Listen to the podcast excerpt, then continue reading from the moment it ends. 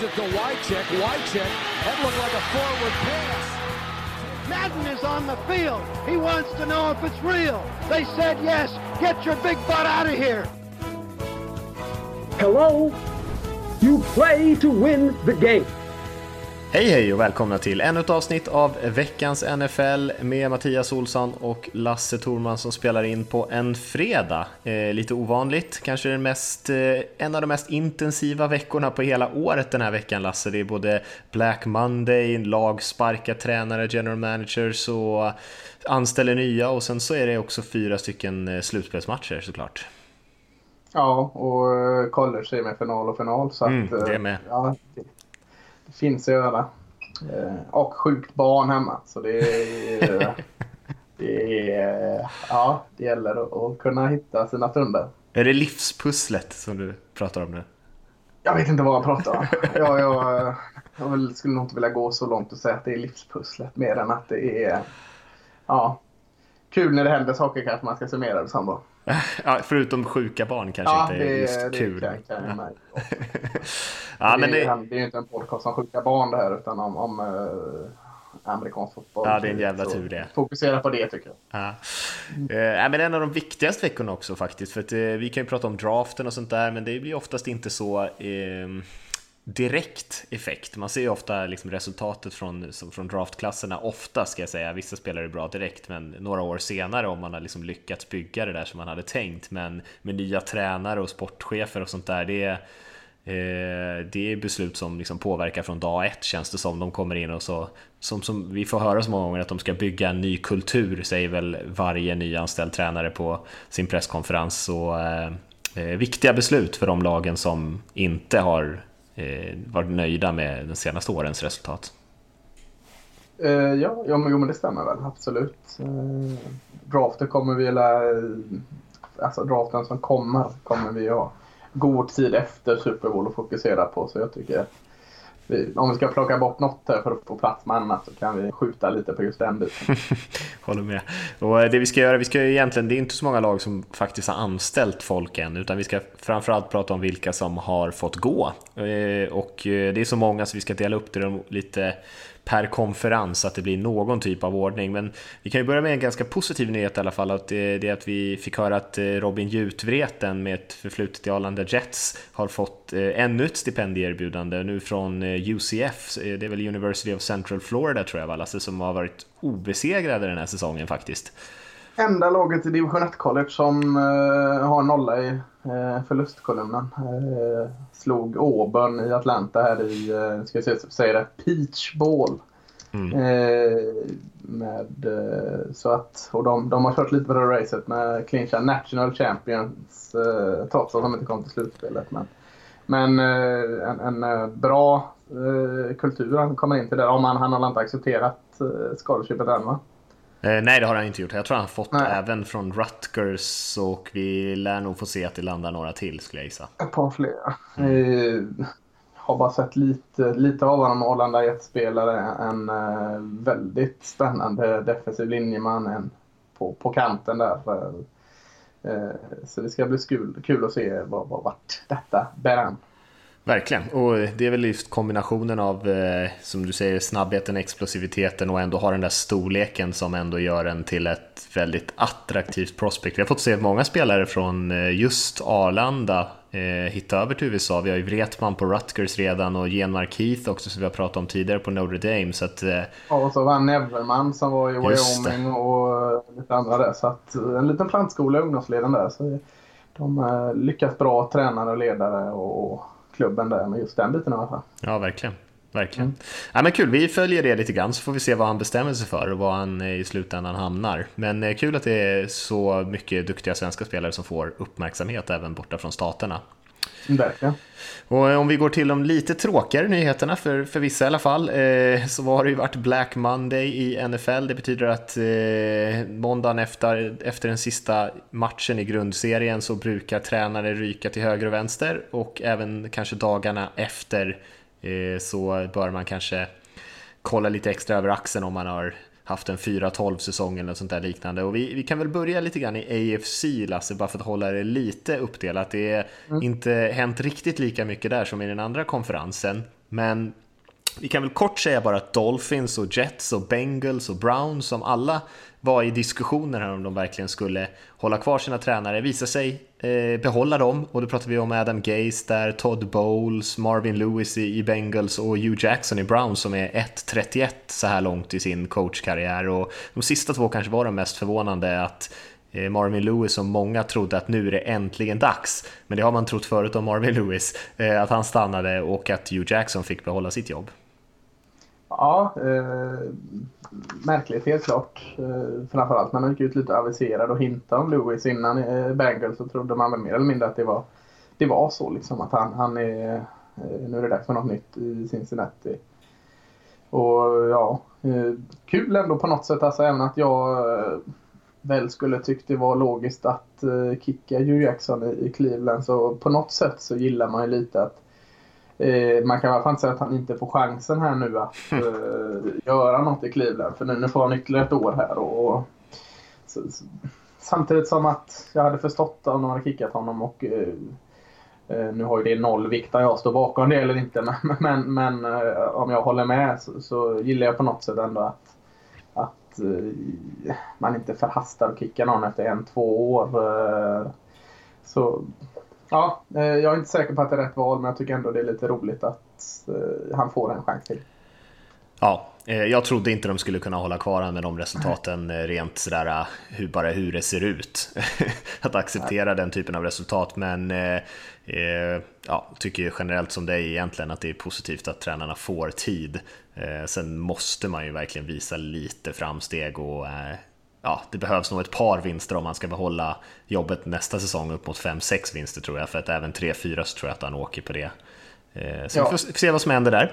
Eh, inte lika trevlig helg kanske och måndag för Jack Del Rio i Oakland Raiders och Chuck Pagano i Indianapolis Colts som eh, båda två fick sparken, kanske mest noterbart där Del Rio som var, jag skulle säga en av de absolut mest hypade tränarna i NFL förra säsongen bara och precis nyskrivet kontrakt eh, och eh, mycket eh, lutar emot att det är för att Mark Davis jagar den, den vita valen där i Oakland, John Gruden och eh, det verkar väl som att det är ja, näst intill klart, bara att inte avtalet är påskrivet. Men vi får se lite grann vad som händer där.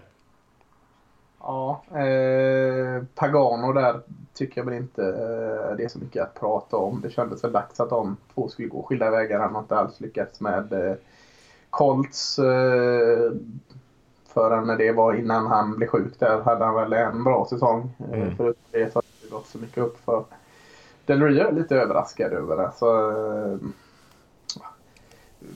jag vet inte, jag, man hör från, från eh, mer insatta eh, kring Raiders Nation här att eh, de flesta verkar ändå ganska mungipan upp att han, han fick gå. Och sen är väl stora snackisen om Gruden är rätt man eller inte.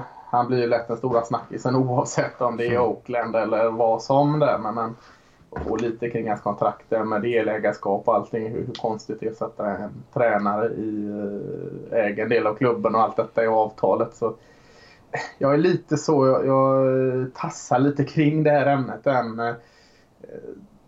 På ett sätt tycker jag, fan vad bra om han kommer in i varje fall ett lag så slipper man det här varje jäkla säsong att ja, kan, ska ni ta Gruden eller? Utan att nu är han i ett lag, nu, nu, nu får vi se vad det här snacket har lett till liksom. Mm. Mina kommentarer på Pagano där kanske lite så att Pagano hamnade lite i skiten av, eh, vad heter han, general managern som fick kicken från Colts inför den här säsongen? Mm. Ja, just det. Eh, borde man ju komma ihåg, skönt ja. om man har glömt. Som, eh. som Ballard ersatte i alla fall. Ja. Eh, den eh, general managern, sportchefen som de hade i Indianapolis gav ju inte Pagano sådär jättemycket att jobba med. Och sen så var det liksom bara en tidsfråga innan han också skulle få sparken. Så jag tror inte nödvändigtvis att han är en dålig coach, men jag förstår att man måste göra sig av med honom när resultaten inte har varit där. Men när du pratar om Del Rio så det fick man väl också höra lite grann att även inom organisationen och i laget bland spelare och sådär så var det inte sådär många som var jätteledsna för att han fick kicken och det säger väl kanske lite grann om eh, att det har hänt saker bakom kulisserna som vi helt enkelt inte har koll på. Eh, och vi får väl se lite grann vad som vad, vad Gruden kan göra när han kommer in. Eh, men ja, det är ju det är ISBN som framförallt har varit mest aggressiva och rapporterat att han ska ta det där jobbet och han är ju faktiskt anställd på ISBN så man kan ju tänka att de har lite information om, eh, som vi inte har. Att han mycket väl kan ha sagt till dem att han redan i stort sett accepterar det. Däremot lyssnade jag på Mike Lombardi som var chockad skulle jag säga att folk gick på den här grejen med att han skulle få en ägarandel. Eh, han trodde aldrig att det fanns en chans i världen att John Gruden kommer få någon andel av ägarskapet utan han trodde att det var någonting som agent agenten har läckt eh, och att liksom inget lag skulle ge den typen av eh, betalning till en tränare. Eh, Nej, vi får se om han har rätt. Jag vet inte hur, hur tränarna brukar resonera, men för honom lät det som att det var på honom lät det som att det var totalt galenskap, att det, det aldrig kommer hända. Ja, men rent logiskt känns det ju som total galenskap. Liksom. Ja. Jag ja. tänker de andra ägarna runt om i ligan blir nog inte sådär supernöjda, för sen när de ska anställa Nej. nästa hypade tränare, då kommer de komma in och säga, ja men då vill jag ha en procent av laget, vad det nu är värt, liksom hur mycket pengar som helst. Eh, så eh, vi får se. Men eh, han trodde inte på det i alla fall, Lombardi, att det var, han trodde det var skitsnack. Så vi får se. Ja. Om vi hoppar till NFC Lasse, där det faktiskt mm. har hänt lite mer, ännu mer action i, än i AFC, så kan vi ju kort konstatera att Jason Garrett får vara kvar i Dallas. Eh, Giants har hittat en ny sportchef i Dave Gettleman och vi kan väl eh, kanske börja med de två. Uh, Jason Garrett, var det på tal att han skulle få kicken alltså? Ah, det var ju mycket snack utanför Dallas i alla fall, men Jerry Jones var väl aldrig riktigt så att han lyssnade på dem, på det snacket. Det är ju coach of the year förra året så 9-7 i år. Visserligen har det varit grus i maskineriet men nej, det, det, han såg jag inte som på något, någon form av hot där alls. Att, eh, det är nog bara för att fylla spaltmeter. Det är alltid roligt att prata om Dallas. Mm. Eh, så. Säger du Gettleman då? Jag vet inte riktigt eh, vad jag ska säga eh, och hur mycket koll jag har på det. Så att, nej, jag vet inte riktigt. Vad säger du? vad säger du? Så, eh, Alltså han har ju haft rätt, ganska bra resultat där med, i Panthers eh, mm. med sina drafter och ju verkligen byggde upp det Super Bowl-laget kan man ju säga. Inte, inte enbart han, många av spelarna fanns där innan han kom dit, men eh, han gjorde definitivt inte ett dåligt jobb i alla fall. Och sen har han ju en stil som eh, retar upp folk. Han är ja, det, det måste ju vara det som är för att rent resultatmässigt så är det väl inte så jäkla dåligt eller? Nej, det var väl det. Han, han ville ju inte betala eh, vad ska man säga, franchise-spelarna i Carolina. Ja, typ där. Josh Norman och sådana kommer jag ihåg det. Men, men ja, men även Thomas Davis, linebacken, eh, som är liksom på något sätt älskad av fansen och så. Men Gellman är ju inte den känslomässiga typen kanske, så att han sket ju det. mycket business eh, för lite hjärta. det kan vara så. Ja. Men det kanske kan behöva, jag läste en artikel som kom ut om, om Giants här nu och deras säsong 2017 och all dramatik och alla konflikter och sånt i laget där, att det kanske kan behövas någon som inte tolererar den typen av, eh, av skit från spelarna, för det har varit väldigt struligt där. Eh, sen se hur länge folk fortfarande orkar med Gellman, men Ja. Eh, om vi hoppar till lite mer uppenbara där då, Lasse. Jim Caldwell fick eh, kicken i Lions. Eh, nya sportchefen där, Bob Quinn, som gick på förra året tror jag, ska få välja sin nya tränare. Även John Fox har ju rykt i Chicago Bears, så de två gamla stofilerna är ute. Ja, eh, Jim Colwell har jag aldrig gillat, det tror jag har sagt eh, snart tvåsiffrigt gånger i den här podcasten. Så att eh, står jag fullt bakom. Lite konstigt att det kommer efter en ändå en hyfsad säsong. Eh, sen att man sumpade säsongen när Greenberg var så borta och hade en chans på slutspel. Kanske är något, men jag har aldrig sett hans storhet. John Fox känns också fullt logiskt med tanke på att uh, Bears inte riktigt uh, utveckla sig någonting alls trots att jag tycker alltså deras 5-11 är lite missvisande. Jag tycker de var, stundtals eh, uh, spelade bättre framförallt på försvarssidan. Men, men det kändes väl helt rätt att liksom få in något nytt där också. Så att, jag känner att jag höjer inte allt för mycket på ögonbrynen på någon av de två. Nej. Eh, intressant vad Bears gör där. De borde väl få in någon offensiv coach som kan, eh, är lite mer kreativ, kanske kan få igång Trubisky där, för det blir väl nyckelfrågan för dem. Jay Cutler, direkt som... som HC. Mm, HC, ja. ja, det är spännande. Ja. Jag vet inte hur många timmar han skulle lägga ner i veckan. Nej, och inte engagemanget känns ju inte riktigt som det finns där heller. Nej, nej. nej vi hoppas väl inte att det blir så.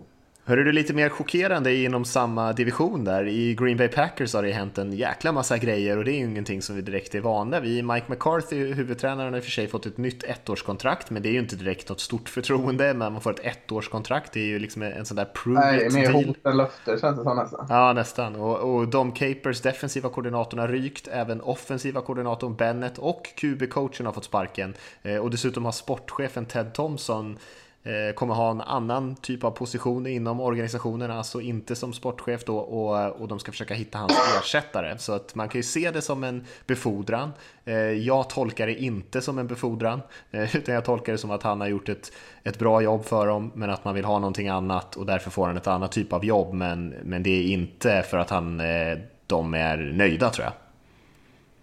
Jag tänker ju direkt, och det är ju säkerligen väldigt många fler än jag, att hur länge har de kunnat gömma sig bakom Aaron Rodgers och hans framsteg i Green Bay mm. Packers? Om det nu rullar så mycket huvuden efter en säsong där Aaron Rodgers inte har kunnat hjälpa till så undrar man lite liksom hur, hur mycket har de liksom kommit undan med på grund av att Aaron Rodgers är en fantastisk quarterback. Liksom. Eh, så vem vet, tänk om de skulle bli ett fullt fungerande lag även utan Aaron Rodgers. Så plussa ihop det med Aaron Rodgers så låter det livsfarligt. Men eh, det är inte bara att byta och plugga in och vinna. Nej, och Ted Thompson tycker jag har gjort ett ganska bra jobb draftmässigt så. Däremot har han ju släppt iväg en hel del av Packers egna spelare som gått och blivit väldigt bra på andra platser. Eh, och det är väl egentligen den största kritiken man kan ha mot honom för, och det här att han liksom har varit väldigt motståndare till att överhuvudtaget gå ut i Free Agency och betala spelare från andra lag. Eh, och vi får se om det blir någon ändring på det nu när, de, när det kommer in en, någon ny person. Ja, jag är inte riktigt lika såld på hur de har eh, byggt sitt lag genom draften. Eh, visst, de har träffat rätt på några där, men, men jag tycker inte de är... Jag tycker det där också lite är en överdrift. Liksom att och det har blivit lite så på grund av att de så, nej men vår grej är inte eh, free agency, vi ska bygga genom, genom draften. Så det blivit att per automatik utgår folk från att de draftar fantastiskt för att man säger så.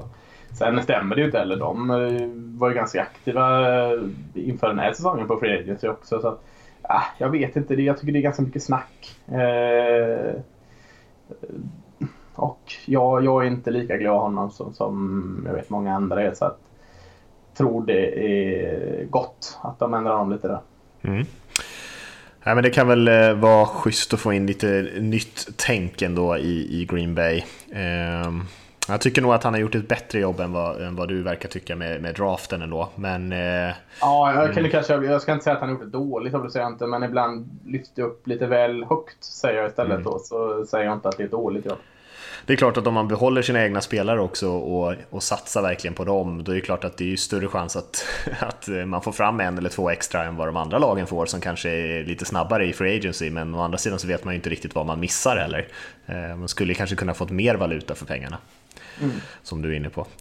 Eh, I södern ska vi kolla lite grann också. Dirk Cotter där i Tampa Bay får stanna. Lite eh, förvånande tycker jag. Eh, Bruce Arians däremot tackar för sig, går i pension och lämnar jobbet som huvudtränare i Cardinals efter den där sista vinsten där mot Seahawks. Där ändå, han såg så peppig ut så man nästan trodde att han skulle stanna, men det blev inte så. Nej. Jag vet inte hur länge har Cotter varit i Buccaneers? Det är inte så jäkla länge va? Två säsonger tror jag. Och då var han ju inhouse, han var ju OC innan va? Ja, eh, så jag kan lite väl köpa trots att eh, Tampa-säsongen är en stor besvikelse så kan jag väl ändå köpa att liksom, han är kvar. Eh, alltså, kan inte ge upp direkt, man kan inte hålla på att byta tränare varannat år. Eh, det tror jag man blir sämre lag av. Så jag, jag kan på något sätt köpa att Tampa har kvar honom trots att jag kanske inte tror på honom så mycket. Men men eh, skulle det bli en, vad hamnar man nu i Tampa? Fem vinster blir det va? Fem, elva. Mm. Alltså skulle det bli en liknande säsong nästa så, så eh, ser jag nog ganska övertygad att han ryker. Men, men håll kontinuiteten hyfsat där så det kan köpa. Eh, vem var det mer vi lyfte där förresten? Bruce Arians. Arians var det. Mm.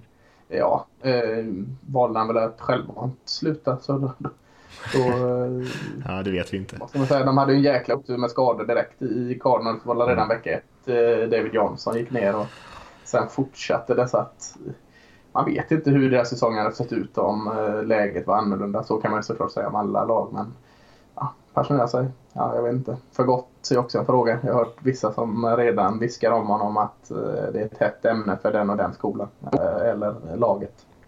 Ja, man kan ju säga att han blev av med sina två bästa spelare nästan, eller viktigaste spelare, Carson Palmer och David Johnson. Mm. Så det är klart, det är ju rätt tufft alltså. Det är ju inte så konstigt att man inte gör en jättebra säsong, för annars är Cardinals ett, ett relativt bra lag, en, har en relativt stark trupp ändå. Carter där blev jag, jag såg jag tror att det var Hard Knocks, jag blev så förvånad över eh, sättet han liksom coachade Winston på som eh, jag tyckte var lite intressant. Han verkligen hyllade de här eh, improvisationsspelen som han gjorde där han sprang runt i 14 sekunder och sen så försökte han få honom att liksom minska ner antalet dumma beslut men det känns som att man kan inte få både och. Alltså, antingen Nej. vill man att han ska kuta runt och kasta bollen bakom ryggen till en touchdown, eh, men då får, man, då får man ju räkna med att han kommer kasta 15-16 interceptions per säsong. Så jag tyckte det var, jag tyckte det var väldigt underligt att, att han liksom uppmuntrade den typen av eh, off-script, liksom improviserade spel, eh, samtidigt som man försöker begränsa antalet turnovers. Det, nej, Eh, och han hade ju, jag tror han hade 15 fumbles i år eller någonting, Winston. Och det är klart, det blir ju så om man, om man aldrig kastar bort bollen, aldrig ger upp en sack och sådär. Så, mm. Ja, den, hela den grejen skulle jag kunna prata nästan en hel podcast om. Så istället mm. för att gå in på det så låter jag det vara. Så kanske vi får återkomma i detta när det är draft och annat när vi pratar QBs. Men ja, jag tycker det är jätteintressant det du säger. Jag håller helt med dig i det konstiga tänket. Vi ska eh, spida på lite och hoppa vidare och snacka lite kandidater Lasse, men vi kan ju mm. nämna att eh, Browns har i alla fall anställt en kille som heter Alonso Highsmith eh, som är en före detta fullback i NFL som eh, Vice President of Football Operations där, som är egentligen chefen över sportchefen.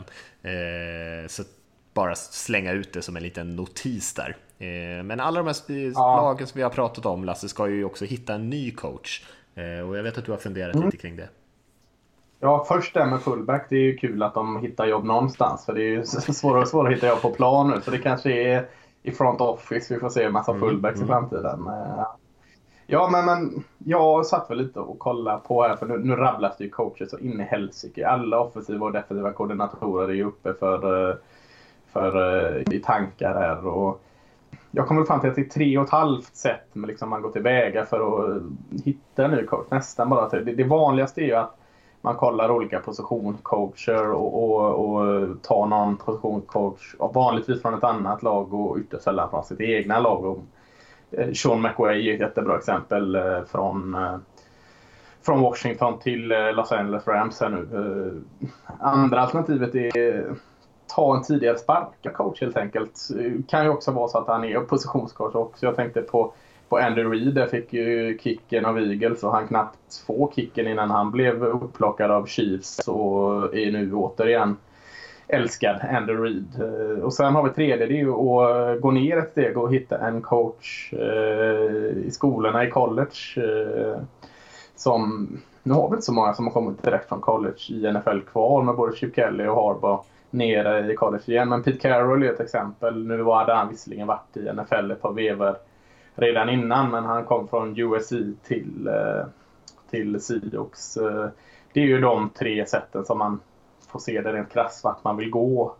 Eh, sen finns det den där halvan, jag skulle säga att det är en tiondel. Det är att hitta någon gammal spelare och putta in han som HC direkt. Det känns ju ytterst ovanligt men viskat lite. Jag tror inte så mycket på det men på sånt som Peyton Manning eller Eh, Före detta safety i Ravens, Ed Reed har det ju pratats om lite, lite löst. Men, men, men det är ytterst tveksamt att det tillvägagångssättet eh, följs upp. Men eh, ja, vad, vad har du något annat sätt? Liksom? Eller det är 1, 2, 3-stapeln där som, som, som väl är sättet att gå tillväga? Ja, alltså jag skulle säga om jag, om jag skulle få välja helt eh, vilket, vilken typ av coach jag skulle ha så skulle jag nog ändå vilja ha någon som har varit head coach tidigare. Jag tycker oftast det är de som blir bäst och de behöver inte ha varit det i 15 år utan bara liksom först känna på det lite som du var inne på. Pete Carroll var ju något år eller två eller tre var i Jets tror jag innan han gick till USC. Misslyckades där, det var inte någon katastrof men han misslyckades ändå och fick sparken. Eh, Belichick var ju Brown som bekant och fick sparken där trots att det inte heller var någon katastrof men han lärde säkert, sig säkert mycket av det. Och jag tror att många av de tränarna och Andy Reid som vi ser som fortfarande har varit väldigt framgångsrik, många av dem Eh, är ju ofta de som blir allra bäst tycker jag. Sen gör det inget om man har varit i college emellan eller om man har haft ett OC eller DC-jobb emellan. Men så länge man är liksom fortfarande hungrig, inte för gammal gubbe som de här Jim Caldwell och några av de där som känns väldigt trötta, eh, så tror jag att det är nog ändå den bästa vägen att gå. För det är tufft att vara headcoach i NFL har jag i alla fall fått bilden av att det är väldigt mycket att hålla reda på som inte har med liksom specifik fotboll att göra. Så att man kan vara hur bra offensiv koordinator som helst men det betyder ingenting om man ska bli en bra headcoach eller inte. Utan man måste ha andra kvaliteter för att man blir liksom den största chefen, den, den högste chefen för hela fotbollsverksamheten egentligen och ska hålla alla andra på banan och liksom försöka implementera den här kulturen som alla pratar om. Så det finns så många olika delar. Mm. Vad har vi då för före detta huvudcoacher som nu kan vara attraktiva koordinatorer för ett huvudjobb igen? Pat Shermer i Vikings var koordinatorn där är väl rätt namn då? Ja, och även eh, Josh McDaniels, eh, Patriots Josh McDaniels, OC. Ja, precis. Också OC där. Eh, det, det pratas ju. Alltså, och, och Jim Schwartz. Ja, Jim Schwartz absolut. Eh, men, men det går ju trender också. Så att nu när Sean McWay, unge Sean McWay, som hade något ens huvudtränarjobb i något college eller i något high school hade han väl inte. Så, men, men eh, så jag misstänker lite att trenden kommer vara att hitta en ung, hungrig koordinator som blir HC. Eh, att det är lite farligt också att man stirrar sig lite för blint på det här just att ja, det ska vara under 35 år, han ska ha en lyckad säsong som koordinator framför sig, honom tar vi. Alltså, man, man, man, kan, det är ju lite som att gå för att vi ska ha en blond tränare med, med mustasch. Liksom. Att man kan bara Vem där? Eller vad är det spelet ja, precis. eh, nu, nu, tror jag väl inte det är så enkelt på det, men det har en viss eh, tendens att eh, följa trender som, som är lyckade och ibland kan det kanske inte vara kanske rätt fokus på varför det lyckas. Sean McWay är ju så mycket mer än bara en ung eh, före detta koordinator. Eh, alltså skulle du sätta in dig och mig så är vi fortfarande, vi är inte yngre än Sean McWay, eh, tragiskt nog. Men, men eh, hade vi satt in oss så hade vi också varit en ung koordinator. Men eh, ganska säker att ingen av oss hade gjort ett eh, jättebra jobb varken som koordinator eller huvudtränare. Så man, man kan ju inte bara stirra sig blind på det. Eh, men, men, men jag, jag, tror vi kommer få se eh, en del unga eh, för detta koordinatorer som tar huvudtränare. Det finns ju inte sådär jättemånga om man ska, eh, på det spåret som du var inne på med före detta HCs där så har vi också, kan man ju nämna, eh, Todd Haley har vi också, som är osen i Steelers, eh, har ju varit head coach i Chiefs innan, Tom Cable eh, i Seahawks, o-line coachen, jag vet inte varför någon skulle vilja anställa honom, men eh, har ju också den erfarenheten. Och även Mike Munchak i, som är Steelers o-line coach. Eh, Mike Smith mm. också, DCn i Tampa Bay. Så det finns ju några där att välja mellan tidigare HCs. De unga skulle jag säga att det är Chiefs, OC kanske, Matt Nagy. Är väl relativt ung får man väl ändå säga. Josh eh, McDaniels är väl fortfarande eh, ung va? Ja, men han måste vara över 40 åtminstone va? Det är relativt ungt eller? Ja, John DeFilippo har ju folk pratat om, Eagles QB-coach. Men det är svårt att se honom gå från QB-coach när man som sagt har ansvar för kanske tre spelare till att vara head-coach helt plötsligt. Det är ett stort steg. Jag skulle tycka det var lite läskigt att anställa honom där, i alla fall tills han har haft ett OC-jobb. Jag tror det kommer bli ett sånt som garanterat kommer bli HC nu och jag kan inte riktigt stå liksom bakom det. Så som Matt, Patri Matt Patricia, defensive koordinator mm. i Patriots, ung. Och så går han under det här att ja, allt som kommer från Patriots är, är guld liksom. Mm. Där det, det, tror jag många stirrar sig blind. Så jag är osäker på att han är, är eh, en rätt man, men jag är ganska säker på att han kommer att bli HC för ett lag. Det, det skulle jag nästan ta till banken.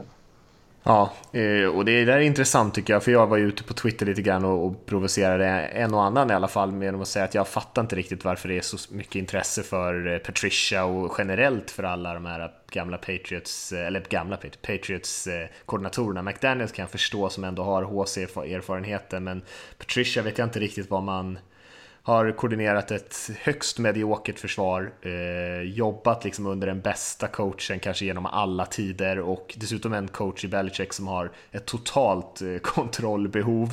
Eh, så jag kan inte tänka mig att Matt Patricia har gjort någonting utan att Belichick har liksom eh, kvalitetskollat det.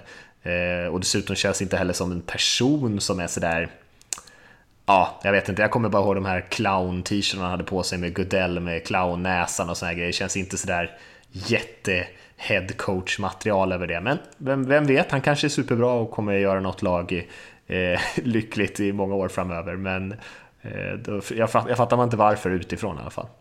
Nej. College kan jag liksom, alltså det är ständigt prata om Jim Harbaugh. Jag tycker det är med all rätt ständigt prata om Jim Harbaugh. Det är en eh, rubrikskapare och eh, alltså han gjorde väldigt mycket bra väldigt snabbt innan han gick söderut i 49ers. Så att eh, han pratas om igen nu i Michigan.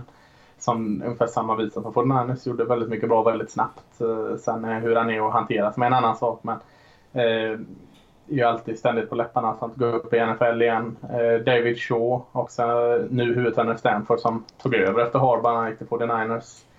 Har varit rykten om ett par år. Eh, har gjort det bra. Sen, är det ju sådana här gamlingar om man kallar det som Frågan är hur mycket de har där uppe att göra. Nick Saban, Mike Leach, Urban Meyer och sådana som kanske inte är lika seriösa. Men Chris Peterson, eh, coach i Washington, pratas det väldigt mycket gott om och även på nästa nivå. Eh, det är väl de, de hetaste namnen om man skulle ta och kolla på vad man skulle få upp från college-sidan. Eh, mm. Gamla coacher som inte coachar nu förutom John Gruden, eh, Gruden vad, vad, har vi där? Alltså Mike Shanahan, det känns väldigt tråkigt alternativ men, men han, han har ju gjort saker bra innan. Han känns, han känns som att han sitter någonstans i Florida på beachen med en drink och, och chillar lite. Ja, jag såg även han pratade om gamla Steelers-coachen där också. Eh, gammal men Bill Cower där som var innan Tomlin. Han tyckte jag var ganska intressant när han var coach. Eh, nu vet jag inte hur gammal han är riktigt, 60-ish säkerligen. Men inte intressant, man har glömt honom lite. Jag såg någon tog upp honom. Och sen är det väl Bruce Arians pratades det om direkt. Liksom, vad, vad krävs för att få honom? Han har knappt hunnit gå i pension, men vad krävs det för att få honom att träna mm. igen? Så han är nog fortfarande väldigt omtyckt och välpratad. Mm. Rex Ryan. Rex, Rex Ryan, ja. ja. Vem som vågar det, men ja. ja. ja. Eh, nej, men vi kanske ska eh, lämna dem där. där. Vi, lär väl bli, vi lär väl märka, det där var ju en väldig massa namn ändå. Eh, ja. Olika typer av kandidater, om du inte hade något att lägga till där. Nej, det hade jag väl inte. Eh, skulle egentligen kunna säga säkerligen 30 kandidater som har varit eh, ja. snack. Men det är ju bara tråkigt att rabbla namn. Och intervjuerna är ju full gång nu, så om man är riktigt intresserad så kan man ju försöka hänga med lite grann på Twitter och sådär, så ser man ju vilka tränare som är inne på vilka intervjuer. Men eh, man kan väl kort säga att McDaniels och Shermer och Patricia och jag skulle ändå säga också att Vrabel, Mike Vrabel, Texans DC eh, är väl de som är absolut hetast just nu. Så man ser det liksom på intervjuer överallt i alla fall. Mm. Eh, vi ska hoppa in i wildcard-helgen faktiskt Lasse och prata om de fyra matcherna som är. Eh, ja, det är många nya lag i slutspelet i, i år. 8 av 12 lag var inte med i slutspelet förra säsongen. Eh, så mycket har det inte varit på länge. Eh, så det har varit en, eh, en intressant säsong på det sättet, vilket gör att det är väldigt varierande kvalitet på de här lagen i, i eh, wildcard-matcherna, säger jag lite spontant. Men rent generellt så är väl den här veckan och kanske nästa veckas matcher två av de absolut roligaste tycker jag under säsongen. För det första att det är matcher som gäller liksom all or nothing, man åker ut och man torskar. Eh, det är slutspelshelger där det också är fyra olika matcher, så man hinner, i alla fall om man anstränger sig lite, se alla fyra matcher. Eh, och det brukar vara ganska spännande eh, tillställningar också. Ja, jo men det känns som, alltså, när du säger 8 av 12, och det har jag inte ens tänkt på, men det är ju bara det tycker, tycker jag är lite roligt att få se lite nytt. Mm. Eh, jag kan också säga det i så fall att fem av de åtta divisionerna faktiskt vanns av ett lag som antingen kom trea eller fyra i sin division förra säsongen. Så det är, eh, majoriteten var bland de sämre hälften av lagen i ligan av de som vann sina divisioner i år. Vilket är också väldigt unikt. Det brukar inte vara riktigt så mycket. Eh, om vi ska hoppa in i första matchen, vi kan väl börja i, vi kan väl köra i ordning helt enkelt Lasse. Vi börjar på lördagen och, och slutar på natten på söndag. Och eh, den första matchen som spelas är ju Tennessee Titans som åker och spelar bortamatch mot Kansas City Chiefs. Eh, 22.35 där på, på lördagskvällen. Eh, de här lagen har ju inte mötts sådär jättemånga gånger genom sin, sin historia.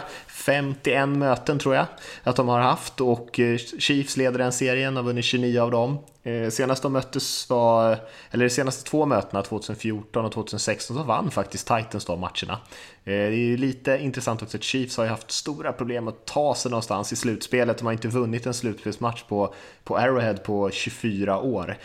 Så att det är ju två lag som inte riktigt är vana vid den här situationen de senaste åren i alla fall. Och och eh, törstar efter lite ordentlig framgång i slutspelet. Men de har inte varit två av topplagen att räkna med de senaste årtiondena skulle man väl egentligen kunna säga. Titans hade ju några år de var lite vassa och Chiefs har ju varit relativt bra i grundserien men inte tagit sig speciellt långt i slutspelet. Nej, eh, rent spontant förutom jag fick sätta på bromsen lite när du sa hur många år sedan var det de vann en slutspelsmatch på Arrowhead? 24. Oj, ja det är ju jättekonstigt. Den här känns ju alltså, som jag kanske eh, enklaste matchen att tippa tyckte jag i alla fall eh, genom att tippa Kansas City Chiefs. Men eh, för jag tycker fortfarande det är lite ett slag mot alla andra lag att Tennessee Titans som jag gärna lyfter lite, jag, jag är svag för dem.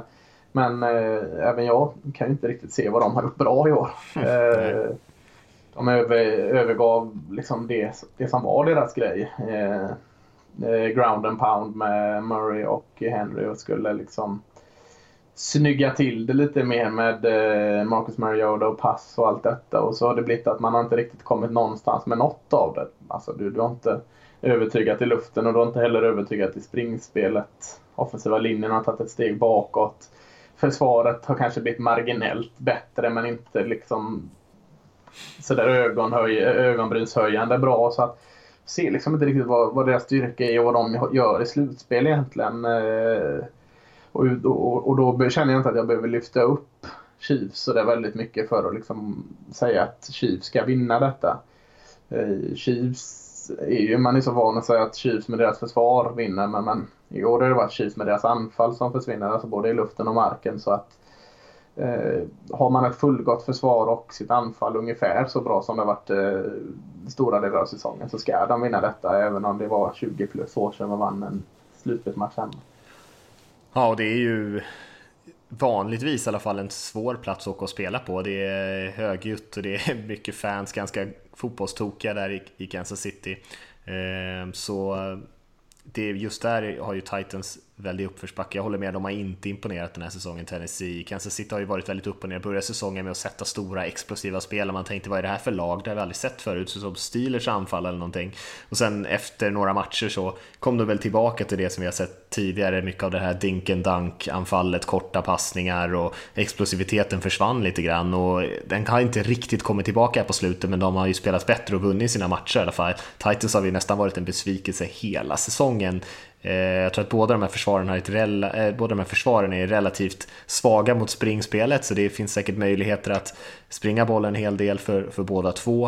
Eh, och sen handlar det väl lite om X-faktorn här. Marcus Mariota när han börjar springa runt lite grann och använda sin atletiska förmåga då kan han vara ganska giftig och det är väl deras chans till skräll här Tennessee eh, och sen att Kansas City kanske hostar upp några turnovers. Men eh, jag, jag ser också, precis som du, kanske att Chiefs har en ganska stor Eh, fördel i den här matchen. Kanske den mest tydliga eh, favoriten den här första omgången i alla fall.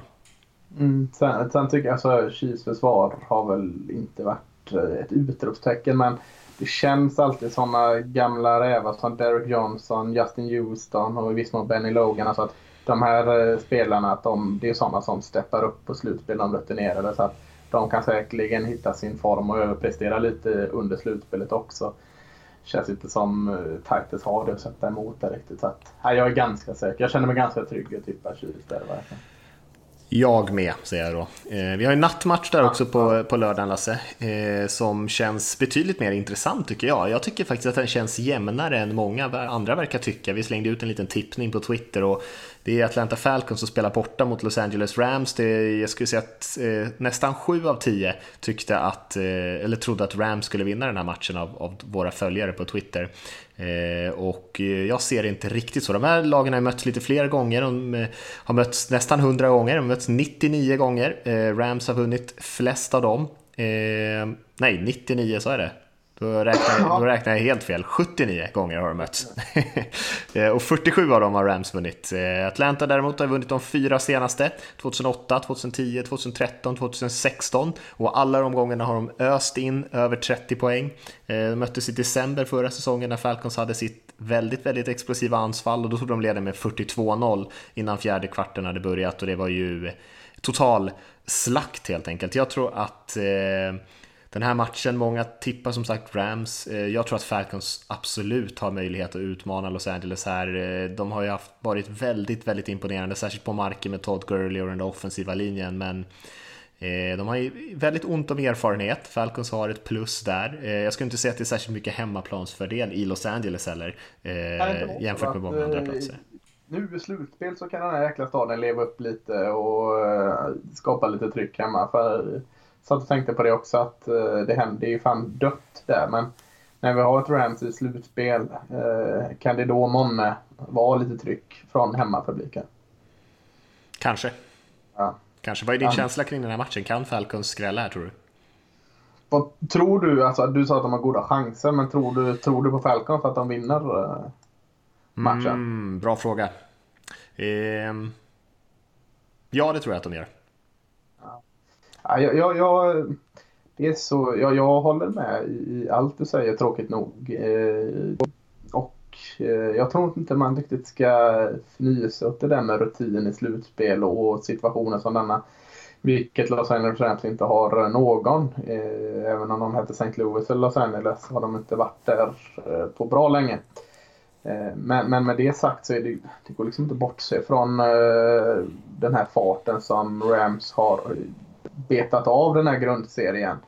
Alltså redan från match 1 så var ju deras offensiv hur giftigt som helst och har inte avtagit alls. Försvaret hackade jag på lite mindre och mindre och mindre ju längre säsongen gick och nu kanske lyfter jag den igen.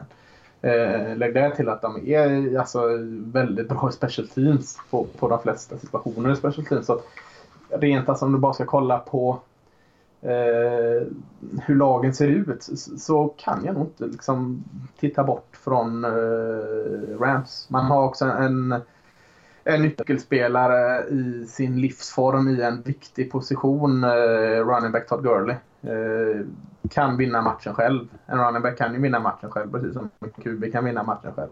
En wide receiver som Julio Jones har lite svårare att vinna matchen själv eller en cornerback eller vad det nu må vara. Men running back och QB kan vinna matcherna själv. Och nu fnyser jag inte åt, på något sätt åt Falcons med Matt Ryan och Freeman. Också två jättebra, men alltså det är svårt att peta ner Todd Gurley från toppen just nu. Han är ju en seriös MVP-kandidat för fanken. Så att, men med det så, så, Jag köper att man ska inte underskatta Falcons här, men nej, jag, jag, jag måste tro Rams. Mm. Jag tycker inte det råder någon tvekan om att Rams har varit det bättre laget i år. Alltså det, det är uppenbart. Eh, men en match här så tror jag ändå att Falcons kan eh, vinna den här matchen. Jag tror att de vinner den här matchen och eh, det ska bli kul att se. Jag tror att Julio Jones kommer ha en stor match för Falcons. Anfallet är ju, har inte varit uselt i år på något sätt, men inte alls lika bra som förra säsongen. Jag skrev det i, i den preview vi gjorde till till nflsupporter.se där vi för övrigt skriver en, en preview om varje match så man kan kika in om man vill ha lite mer info. Eh, att de har gjort nästan 10 poäng färre per match i Falcons den här säsongen än vad de gjorde i, i fjol, vilket är väldigt mycket med tanke på att de flesta spelarna är kvar. Eh, men försvaret har ju spelat lite bättre. Eh, så jag tänker på Grady Jarrett där som vi såg i Super Bowl som kanske jag tyckte var den bästa spelaren på plan i Super Bowl trots att Falcons torskade. Eh, åtminstone fram till dess att Brady började sätta alla passningar och, och vända det där underläget. Eh, och eh, även spelare som Dion Jones som vi kanske inte pratar tillräckligt om. Eh, är, har också verkligen klivit fram. Så jag tycker att försvaret kan kanske sakta ner men det krävs ju att Falcons gör mer poäng och spelar bättre anfall än vad man har gjort i de flesta matcherna den här säsongen för att man ska vinna. Men jag tror att de kommer göra det också. Mm. Jag hade inte blivit jätteöverraskad om det, om det blev så, men jag håller fortfarande Rams som favorit. Mm. Ska vi hoppa till eh, söndags, första söndagsmatchen som spelas 22.35. Det är Buffalo Bills borta hos Jacksonville Jaguars. Hemmaplan, eller, hemma slutspelsmatch i Jacksonville trodde man inte att man skulle få se. Spelas den 22.35? inte det en human tid på den på söndagar? Nu ja, kan ha rätt där. Jag bara antog jag att det var samma Jag tror den spelas typ 7, 5 över 7.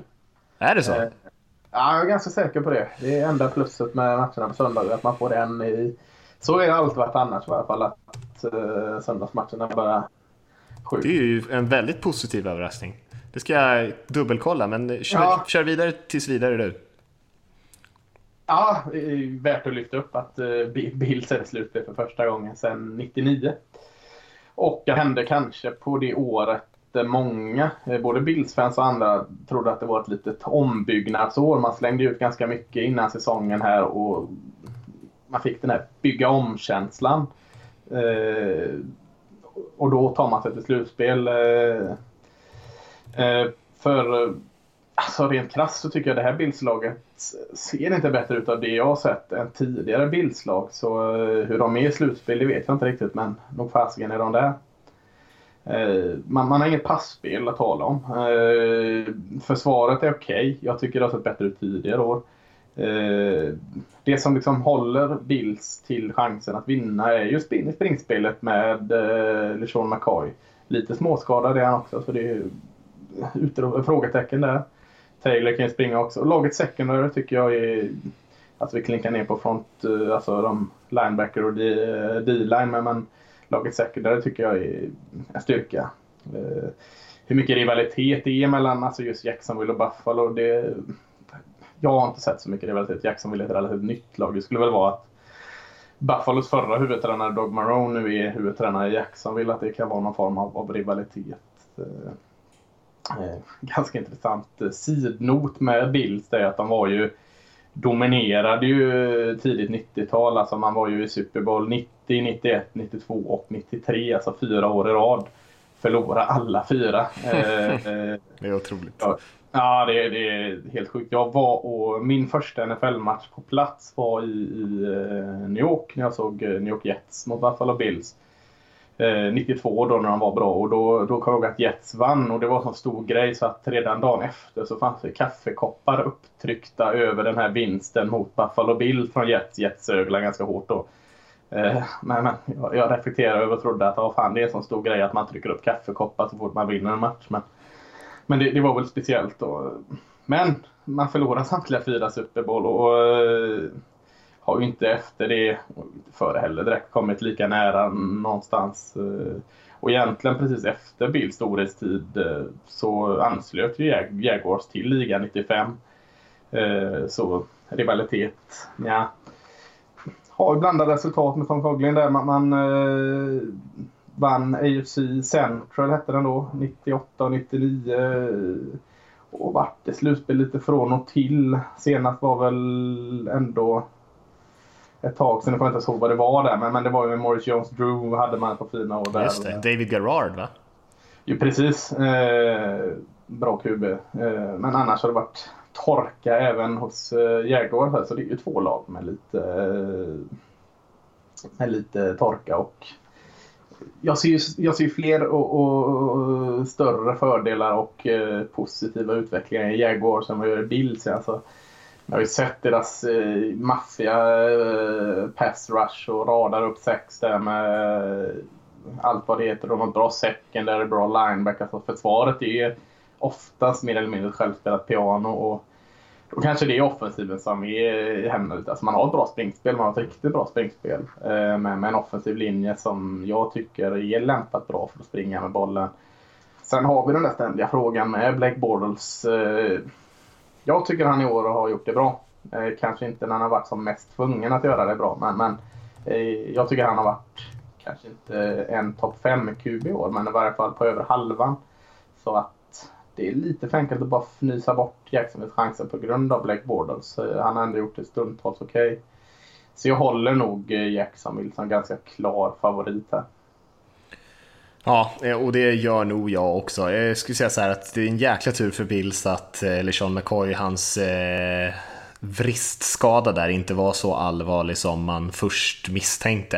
Eh, för då hade det då hade det varit kört i den här matchen. Mm. Eh, och vi, man pratar kanske inte tillräckligt mycket om LeSean McCoy, han är ändå jag skulle säga historiskt bra running back. Han gör ju ja. gör sin sjätte säsong med över 1000 rushing yards och då är han även en väldigt bra receiver och han är ju uppe, han börjar närma sig 15 000 yards i sin karriär. Eh, har ju kanske inte haft samma höga snitt i år som han haft tidigare år, inte riktigt haft de där långa springspelen som vi är vana att se, men han ser ju fortfarande så otroligt kvick och explosiv ut och vi har sett Jaguar som har spelat helt fantastiskt försvar, varit årets bästa försvar Eh, i NFL, eh, i alla fall majoriteten av säsongen. Eh, vackla lite här på slutet, särskilt mot 49ers såg de ju riktigt griniga ut, bråkade med varandra, gjorde dumma grejer. Så jag skulle säga att Bills chans här är kanske att komma igång lite grann med springspel tidigt i matchen, kötta lite grann, några långa spel från McCoy, kanske något special team-spel som får det här Jacksonville-laget som är ändå ganska ungt, får det lite ur balans, får dem att tappa självförtroendet lite grann och göra lite dumma misstag, för i så fall kan för hamnar de efter och Blake Borders måste kasta ur underläge, ja då kan det sluta hur som helst och då kan Bills mycket väl vinna den här matchen med, som du var inne på, ganska duktigt secondary Tredavious White som har spelat jättebra sitt första år i ligan. Eh, och då börjar det lukta skräll. Sen tror inte jag riktigt att det kommer bli så. Jag tror att Jackson kommer vinna den här matchen, ta ledningen ganska tidigt och sen bara kväva Bills till döds i stort sett. Men om de får en bra start så kan det bli en annan matchbild för Jacksonville är inte bra i, i matcher där de hamnar i underläge. Eh, men ändå Jacksonville ganska stora favoriter här på hemmaplan. Absolut. Vad kom vi fram till förresten när matchen började? Ja, den började 19.05. Du hade helt rätt. Det var ju ja, jättepositiv överraskning. Jag var på jobbet i torsdags så, eh, så var vi lediga på, på fredag, men det, var, det hade jag ingen aning om, så det var bara tur att någon sa det. Det var ungefär samma sak här. Jag tänkte liksom vara ute och göra annat här, så det var ju tur att du, att du nämnde ja. att matchen faktiskt började. Och då kan man ju se båda matcherna utan att vara helt eh, zombie på eh, måndag morgonen. Det är ju rätt skönt. Ja, det var. Hörru du, jag har faktiskt en chili som står och puttrar här på spisen. Jag ska bara gå och röra om lite den glassen, men jag tänkte jag släpper lös dig på Carolina Panthers hos Saints här, så bara lyssnar jag lite grann på håll här i hörlurarna, vad du säger. Ja, 22.40 spelas den i alla fall. Det kommer, kommer du ångra, du kommer inte nå till stoppknappen här när jag börjar outa saker. Ja, eh, går du och rör så kan jag, jag prata om eh, Carolina New Orleans Saints i, i New Orleans. Eh, kan vara intressant att säga att Saints har faktiskt vunnit båda matcherna eh, över Panthers i år. Eh, och då, då är väl frågan hur, hur, lätt är det att slå ett bra lag tre gånger under en säsong? Eh, och hur mycket ska man lägga vid en sån sak? Eh, tidigt under säsongen var det Drew Brees som eh, tillsammans med ett starkt försvar eh, och en, en väldigt oet eh, Cam Newton, han kastade tre picks den matchen, vann enkelt. Och mm, det sista mötet för kan det ha varit en månad sedan utan att kolla upp, så, så var det eh, lite annorlunda. Då var det springspelet med Mark Ingram och Elvin Kamara som, som eh, tillsammans vann matchen. Man stod för tre TDs ihop. Cam Newton var lite bättre den matchen och, och resultatet var lite jämnare. Så frågan är då vad vi kommer få se eh, nu på söndag. Det är ju en styrka liksom och sånt som Saints har här nu och eh, man har ett bra försvar helt plötsligt och så eh, har man ett starkt vapen i luften och man har ett eller två starka vapen på marken. Kombinerat med en eh, fantastiskt bra offensiv linje. Alltså jag tycker, även att man har pratat en hel del om den, så tycker jag att man till och med kan säga att den är underskattad. För den är väldigt eh, funktionell både i spring och pass. Eh, och det brukar oftast vara det ena eller det andra, i varje fall lite mer. Jag tycker den här klarar av båda delarna väldigt, väldigt bra. Eh, och försvaret med, med, unga spelare som ja, kanske inte har pratat så väldigt mycket om. Von Bell här, eh, gjort en jättebra säsong bak i plan. Ken Crawley, Marshawn Lettimore. Eh, alltså de, forts om de fortsätter prestera så här högt tillsammans med lite mer rutinerade spelare som Cameron Jordan och, och, eh, och andra där så så är det svårt att hitta någon direkt svaghet i, i och hos Saints. Eh, men, men, samtidigt, Carolina Panthers ska man inte heller bortse ifrån. Alltså, man har pratat om att man haft lite svajig form, men man har trots allt vunnit sju av de nio senaste matcherna. Eh, båda förlusterna har visserligen kommit mot lagen från NFC South, men, men, men, det är en styrka även där hos eh, Carolina. Eh, Newton och hans receiver har väl inte gjort eh, sådär jättemycket spektakulära vinster i luften. Säkert inte när Tyrend Olsson har varit borta här och då har man blivit väldigt ineffektiva i luftspelet. Men Men på marken är man riktigt bra. Vare sig det är Cam Newton eller Stewart eller Rookie McCaffrey så springer man bra.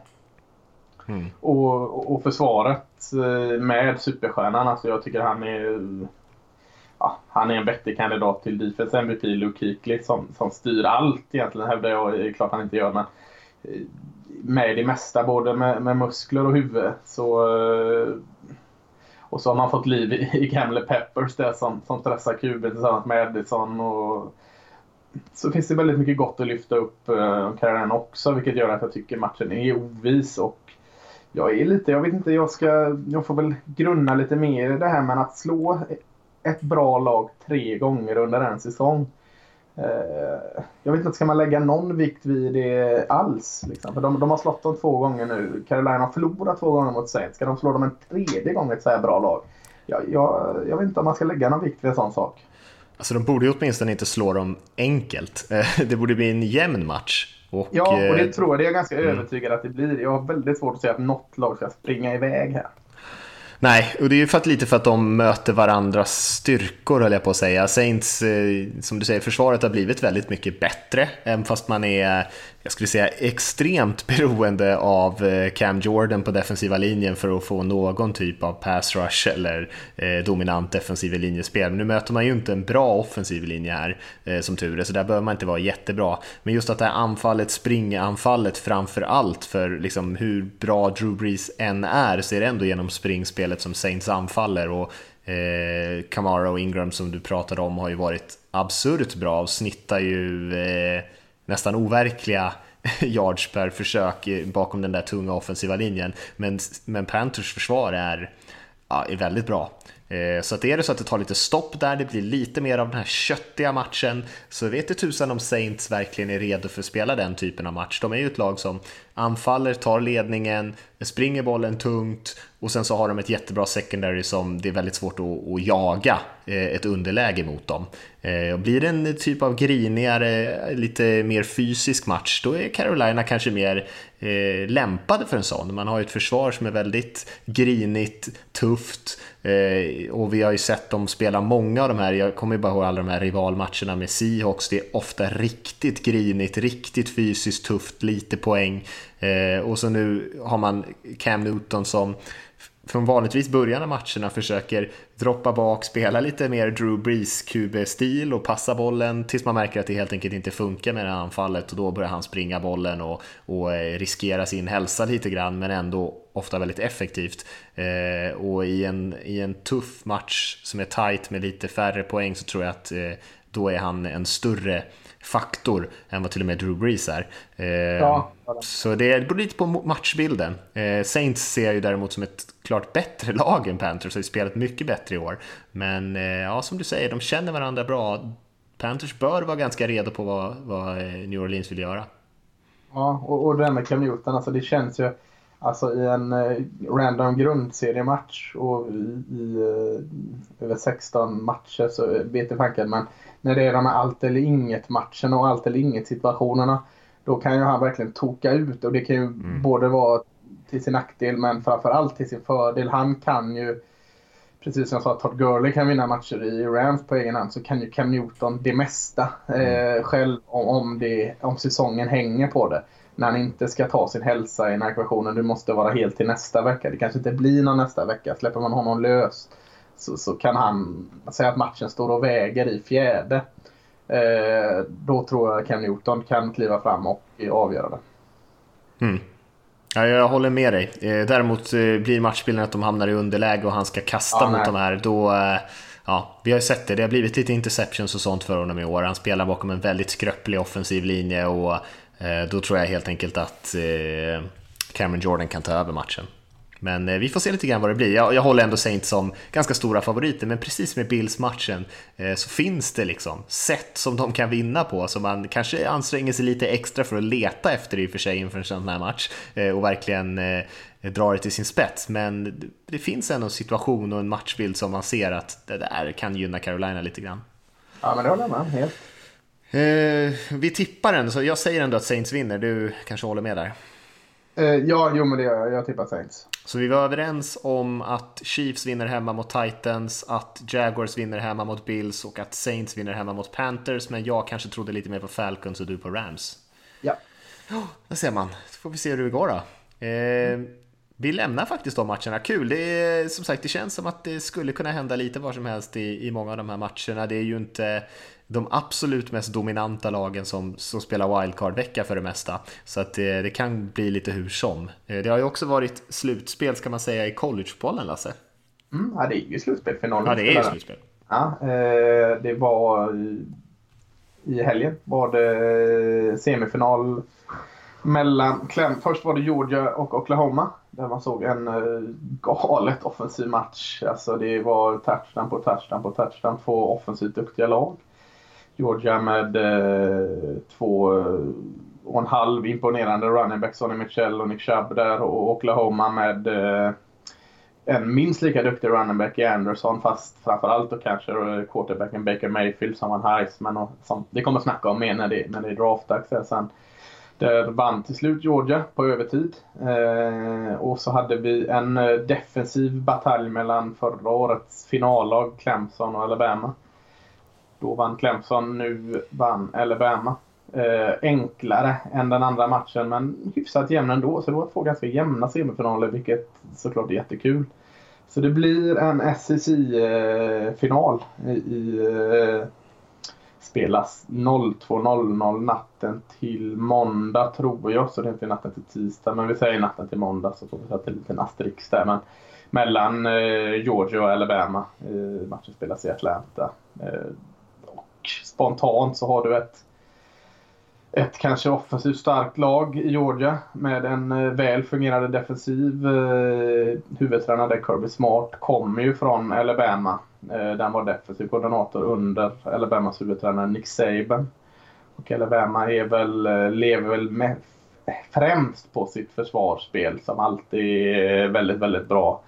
Eh, men har ett par riktigt vassa matchvinnare även i offensiven. Man har alltid bra springspel. Man har en en, eh, en av de hetaste receiverserna i Kelvin Ridley och en, en, eh, en QB som kan hitta på lite vad som. Så jag tror det kan bli, precis som båda semifinalerna, en riktigt bra final också. Så att eh, nej, det är den ser jag fram emot också. Mitt i NFL-slutspelet så har vi en collegefinal som verkligen är rolig.